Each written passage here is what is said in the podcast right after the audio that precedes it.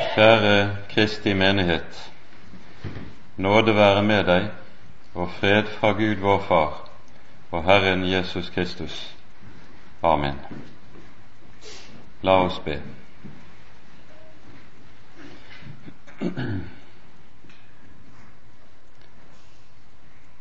Herre du hellige, du treenige Gud. For ditt ansikt kommer vi frem på denne bots- og bededag. Og vi ber, Herre, forbarm deg over oss.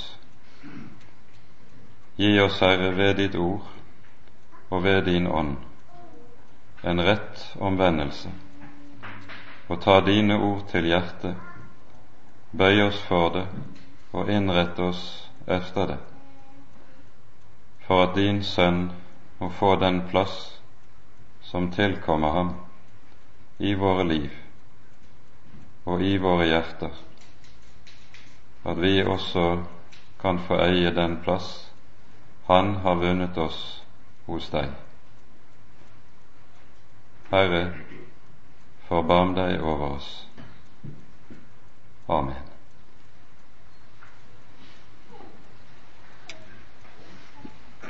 Dette hellige evangelium står skrevet hos evangelisten Matteus i det tredje kapittel.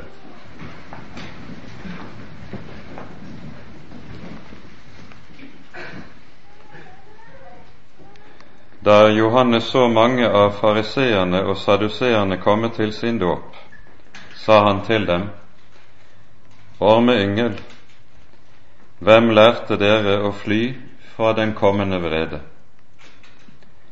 Bær derfor frukt som er omvendelsen verdig, og tro ikke at dere kan si ved dere selv, Vi har Abraham til far.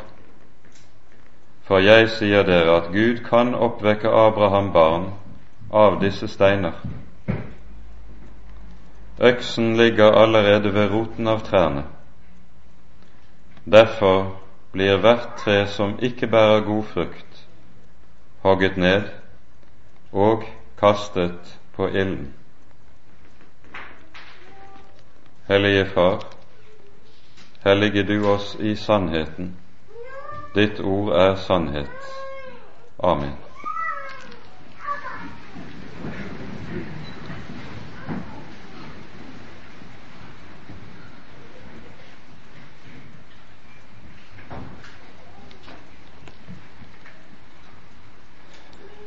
Vi er altså samlet i Herrens hus på bots- og bededag. Og som det ble nevnt innledningsvis i gudstjenesten, er dette en dag som er gitt oss i kirkeåret med tanke på vekkelse til å vekke til bevissthet om hva det er å ha med den levende Gud å gjøre. Dagen har vært kalt for en alarmklokke i kirkeåret, og det er kanskje en god betegnelse, akkurat det.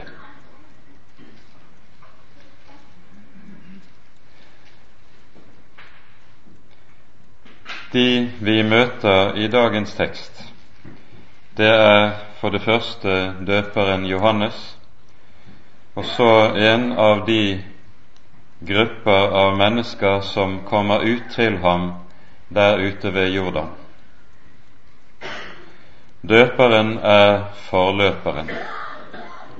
Forløperen som har fått i oppdrag fra Herren å rydde vei for hans åsyn i ødemarken.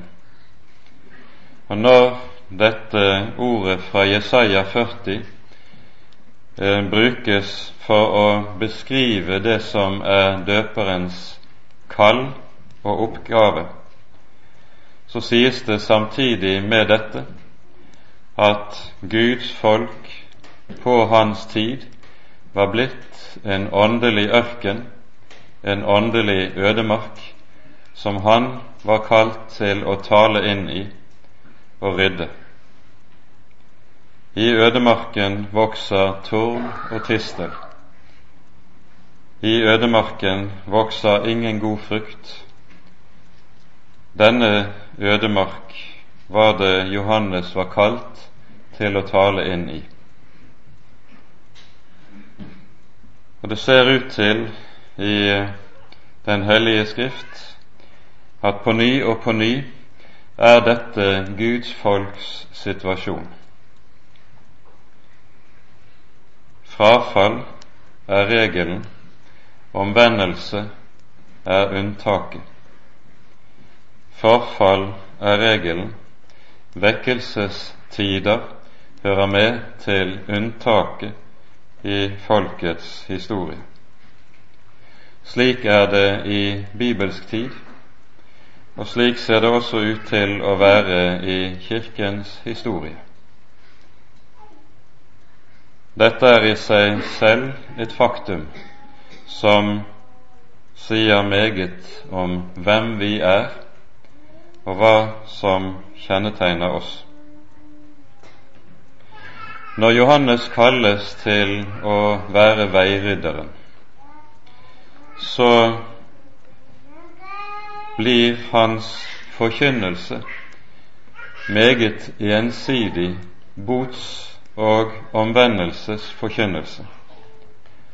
Han blir den som får i oppdrag av Herren å hugge løs på de bladrike grener med veldig kraft, for trærne var nok full av blader, men det var lite av frukt.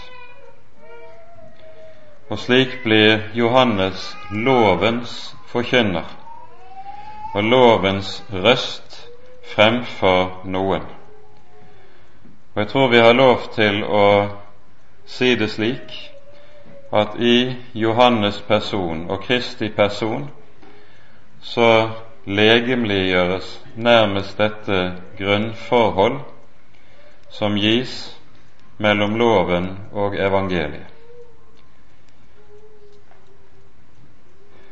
I Salme 97 hører vi det sies Herren kommer, ild går foran hans åsyn og setter hans fiender i brann rundt omkring. Johannes er en slik ild som går foran Herrens åsyn, rydder vei for ham, og så kommer Jesus gående på den vei som er beredt. Og jeg tror vi også har lov til å si at uten Johannes virke med loven og denne lovforkynnelse, så ville det jødiske folk på Jesu tid vært fullstendig stengt overfor Herren Jesus og hans fremtreden. Når han trådte frem, så var det tross alt noen som hørte, om det dog bare var en liten rest, og det store flertall avviste ham. Den lille rest hadde fått øre til å høre, og det var blant disse som hadde vært hos Johannes, Jesus også kalte sine første disipler. Så er det vi altså hører noen av fariseernes og saduseernes parti komme ut til Johannes der nede ved Jordan. I dette ligger det også en dyp åndelig sannhet at når Johannes starter sitt virke, så skjer det ikke i folkets religiøse sentra, i Jerusalem, i tempelet eller ved de lærde skoler som de skriftlærde hadde der. Han er utenfor alt. Og som en røst som lyder utenfor og utenfra, taler Herren ved hans munn. Slik har det også vært om igjen og om igjen i den kristne kirkes historie. Nettopp de religiøse sentra blir også sentrum for forfallet, Og skal Herren slippe til, så må han likesom komme som en røst der kommer utenfra, og ikke fra de etablerte steder der de religiøse ledere sitter trygt i sine stoler og seter. Når fariseerne og saduseerne her kommer ut, så er det nettopp folkets religiøse lederskap som går ut. Og så får de høre Herrens røst. Orme yngel. Hvem lærte dere å fly fra den kommende vrede? Samme den samme betegnelse hører vi også Herren Jesus anvende ved flere anledninger når han taler til ganske særlig fariseen. Og i ordet ormeyngel så ligger der Dette er ikke bare et skjellsord, men det er et ord som på ramme alvor sier hvem de har til far slik som Jesus sier i Johannes 8.: Dere har djevelen til far, han som er den gamle slange. For, sier han også, var Abraham deres far, da hadde dere trodd meg. Men nettopp disse er det som står Jesus imot, står evangeliet imot, og også står Johannes imot. Arme yngel, hvem lærte dere å fly fra den kommende vrede?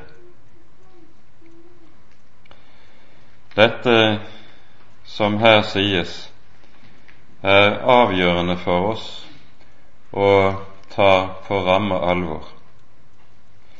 I våre dager er talen om Guds vrede noe som lyder sjelden, og hvis man støter på det, så hører man titt at de som leser fra Skriften om dette, nærmest ber om unnskyldning på Guds vegne for at dette står i Den hellige Skrift. Men Bibelen taler altså meget alvorlig og meget tydelig om nettopp dette Gud er en Gud som vredes hver dag, sies det i Det gamle testamentet. Hva er Guds vrede? Det er den hellige Guds reaksjon mot synd og forherdelse hos mennesket. Og Guds vrede ytrer seg slik som Skriften taler om på mange vis, men ganske særlig advarer Den hellige Skrift oss om den dag som ligger foran, og som kalles vredens dag. Vi leser fra, fra profeten Jesaja i det annet kapittel slik Herren herskarenes Gud, har satt en dag til dom over alt stolt og alt høyt, over alt som er opphøyet, så det blir ydmyket. Og mennesket blir bøyet, og mannen blir ydmyket. Menneskets stolte øyne blir ydmyket, og mennenes stolthet bøyet for Herren alene er høy på den dag. På den dag skal menneskene kaste sine guder av sølv og gull som de har gjort seg for å tilbe dem, bort til muldvarpen og flaggermusene. De skal gå inn i fjellkløften og i berghulene for Herrens gru og for Hans høyhets hellighet, når Han reiser seg for å forferde jorden. Hold da opp med å stole på mennesket, i hvis nese det bare er et pust, hva er han å akte for? Lignende tale finner vi overalt i Den hellige Skrift. Og slik taler altså også døperen, ormeyngel, hvem lærte dere å fly fra den kommende vrede? Dette uttrykket å søke å fly fra den kommende vrede, det er et uttrykk som peker på hvordan det falne mennesket prøver å innrette seg på en måte så det føler seg trygg, på en måte som det kan sikre seg, slik at en tenker fred og ingen fare i møte med det som ligger foran. En prøver å lage seg et religiøst liv som er patent og uangripelig, og en søker med det å lulle seg inn i trygghet, slik at en slipper den uro, den uro som Herren alltid skaper når Han kommer et menneske inn på livet og går oss på klingen. Når Bibelen taler om dette, kaller den det for søvn. Vi søker å innrette oss så vi føler oss trygge. Og det er jo slik at sove, det får vi bare når vi kjenner oss trygge. Og Derfor er søvn og falsk trygghet ord som henger meget tett sammen i Den hellige Skrift. Hva kjennetegner åndelig søvn? Vi skal peke på to ting. For det første i møte med det som vi står overfor i den verden vi lever i.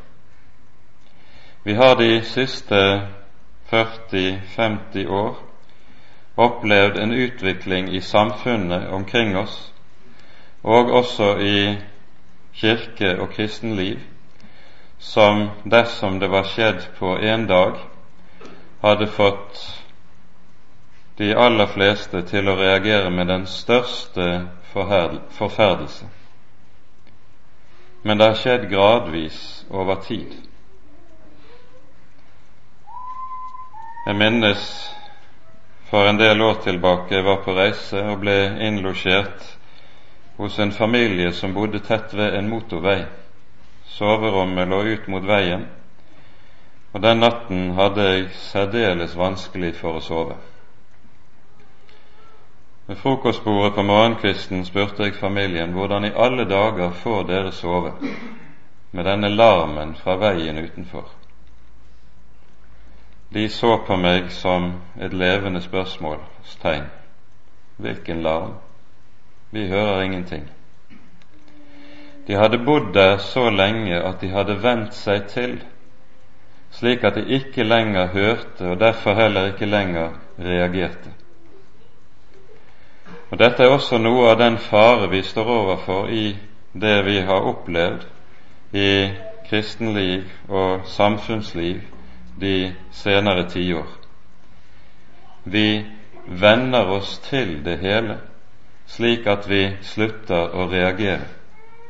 Vi venner oss til det hele, slik at vi synes det hele blir ufarlig.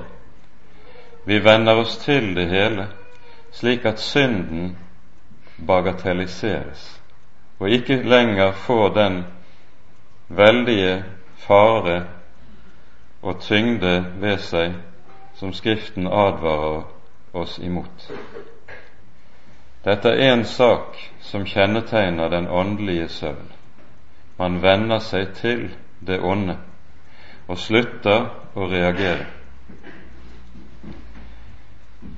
Det annet som kjennetegner den åndelige søvn, er at noe av det samme sinn kommer til å gjøre seg gjeldende overfor ting i vårt eget liv hvor vi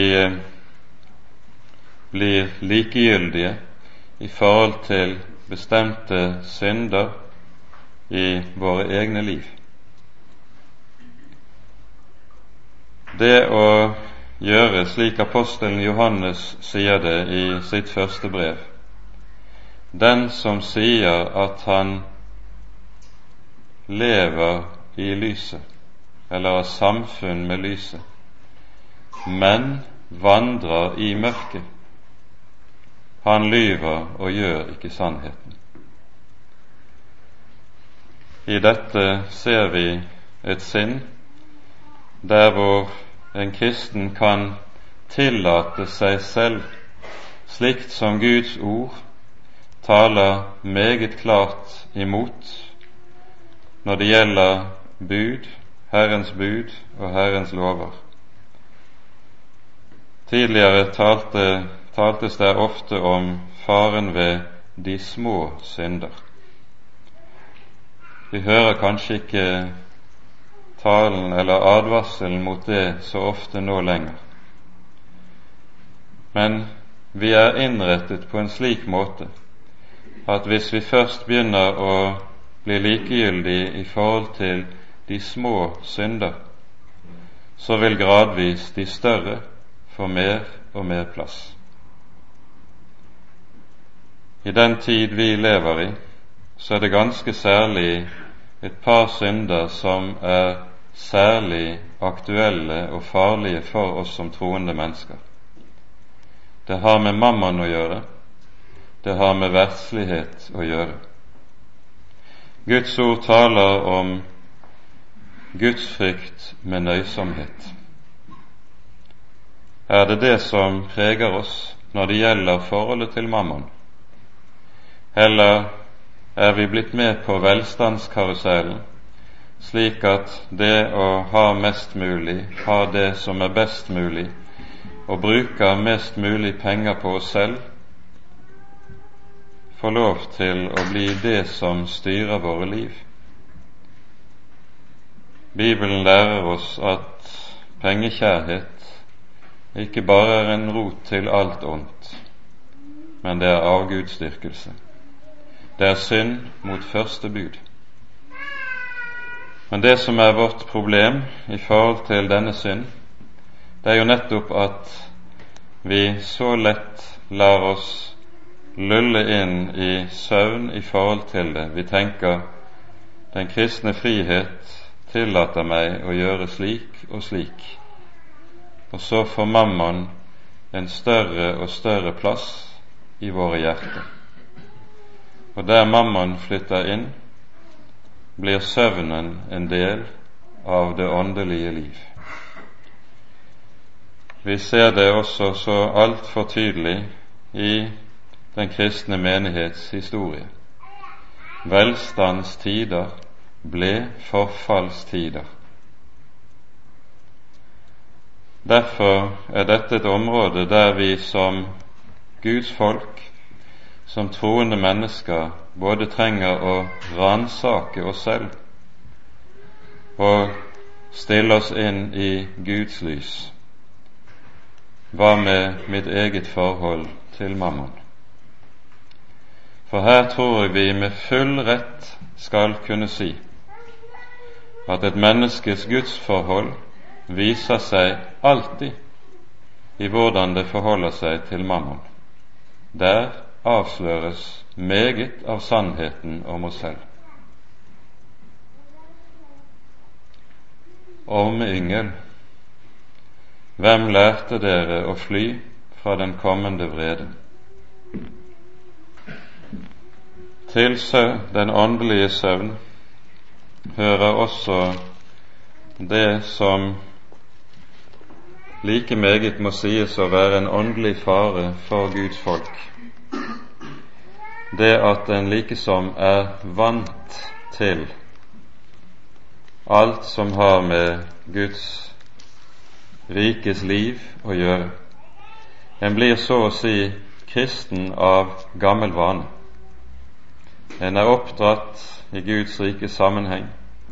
Der har en sitt sosiale nettverk. Der er en vant til å gå. En kjenner språket, kodene, og alt som hører til. Og så fører dette til en trygghet. Vi har det jo rett her hos oss. Derfor er det ingen fare. Det er også noe som er typisk for den åndelige søvn. Man er kristen av gammel vane. Og så blir dette vaneliv noe som gradvis gjør at det levende livet, åndens samliv i Kristus og med Kristus, gradvis dør bort. I det første kapitlet hos Jesaja lyder det slik:" Hør, dere himler, lytt til du jord for Herren taler. Barn har jeg oppfødd og fostret, men de er falt fra meg. En okse kjenner sin eiermann, og et asen sin herres krybbe. Israel kjenner intet. Mitt folk kjenner intet.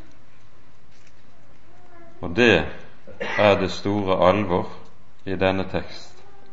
Dette sies altså ikke om hedninger, men det sies mitt folk, Guds folk, kjenner intet. Hvem lærte dere å fly fra den kommende vrede? spør Johannes. Og så skal vi i møte med en slik tekst aldri reagere på den med det som ligger oss så nær, og tenke 'jeg er skuddfri', 'jeg er sikker'. Men la bots- og bededagen forstå der med sitt budskap. Ransak meg, Herre, og kjenn mitt hjerte. Prøv meg og se om jeg er på fortapelsens vei, og led meg på evighetens vei. Ta meg, Herre Gud, inn i ditt lys og ransak meg. Ta meg, Herre, inn i ditt lys, så jeg får se sant på meg selv. I Det gamle testamentet brukes der hyppig et uttrykk når det tales om de, en ny konge som kommer til makten. Det sies ganske så ofte om Israels konger. Det han gjorde, var ondt i Herrens øyne. Det er altså ikke sikkert at det var ondt i hans egne øyne. Antagelig har han selv ment at det var godt i egne øyne, rett det han gjorde. Men det står det var ondt i Herrens øyne. Og når vi ber denne bønnen, Herre, ransak mitt hjerte, da ber vi med den om å få lov til å se på oss selv med Herrens øyne, lære å vurdere oss selv, vårt eget liv, vår menighetsliv og vårt samfunn med Herrens øyne. Da må vi sitte på Skriftens fang og la Herren få lov til å tale ut. Og det er ikke sikkert at det vil være så svært behagelig, men det er nødvendig. For Herren sier jo også i Jesaja 1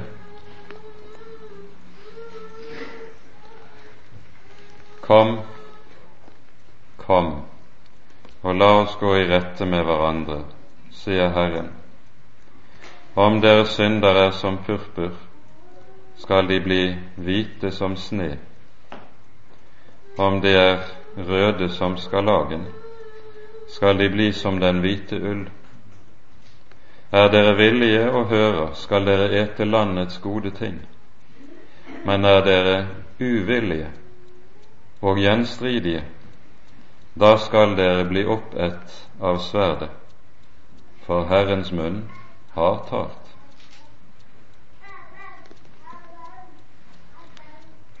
I dette ligger altså det store løftet. Løftet knyttet til det å høre Herrens røst og gi ham rett.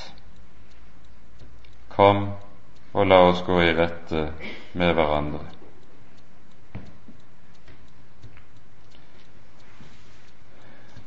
Det er jo slik i Den hellige Skrift at når Herren på denne måte taler skarpt, taler hårdt, taler sannheter som er dypt ubehagelige for oss, så er det fordi, som det står skrevet, det er ikke av hjertet han plager menneskenes barn, men det er fordi han vil omvendelse og frelse.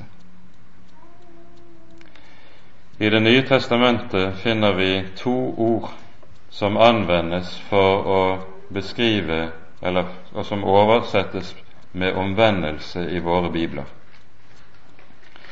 Det ene ordet betyr å forandre eller skifte sinn, og vi skal merke oss betydningen av det.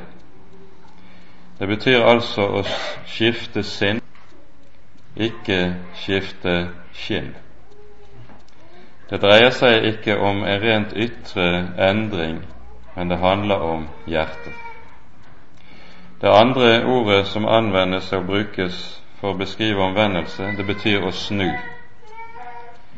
Det er et ord som betegner det at en går på en vei, og så snur en 180 grader og går motsatt vei. Disse to ordene beskriver noe helt avgjørende ved hva omvendelse er, slik Skriften taler om det. Omvendelse er hjertesak. Omvendelse handler om å snu og gå motsatt vei av det jeg før har gjort. Kom og la oss gå i rette med hverandre, sier Herren om dere synder er som purpur, skal de bli hvite som sne. Om de er røde som skarlagen, skal de bli som den hvite ull. Det er løftet. For løftet står jo der at der vi gir Gud rett, der kommer Han med sin Sønns blod og vasker rent. Der kommer Han med syndenes forlatelse og hvor store, hvor grove de enn er, hvor dyp søvnen enn er som jeg er ristet våken av. Han lar sin sønns blod dekke det alt sammen. Det er også løftet som gis på bots- og bededag, og som er hele hensikten med at denne dagen er gitt oss. Den er gitt til fornyelse i troen, til den fornyelse som har nettopp dette grunnleggende i seg, omvendelse og bekjennelse, omvendelse fra og bekjennelse av synd, og renselse og frelse til nytt liv, til det som heter fornyelsen i Kristus Jesus. Når dette er sagt, så må det samtidig også understrekes at det som fra gammelt av har kjennetegnet bots- og bededagen, er at den ikke bare var ment å være en dag for den enkelte troende til selvransakelse, men den var også ment å være en dag for hele folket at hele folket skulle søke Guds ansikt og stille seg inn for den levende Gud, i bevisstheten om øksen ligger allerede ved roten av treet, og rope til Han som er historiens herre, forbarm deg over oss. Det synes som en slik tanke ligger vårt folk fjernt i dag men sannheten står der like fullt og like sterkt.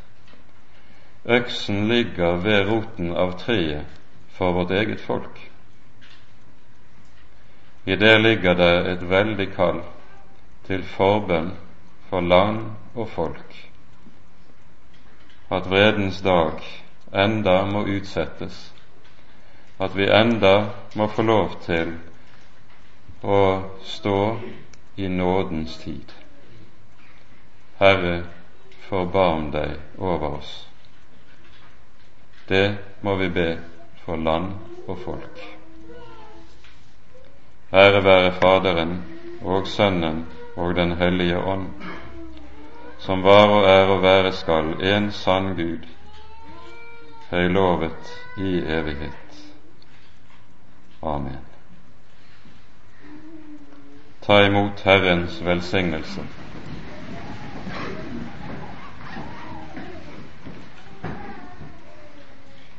Vår Herres Jesu Kristi nåde, Guds, vår Fars kjærlighet og Den hellige ånds samfunn være med dere alle. Amen.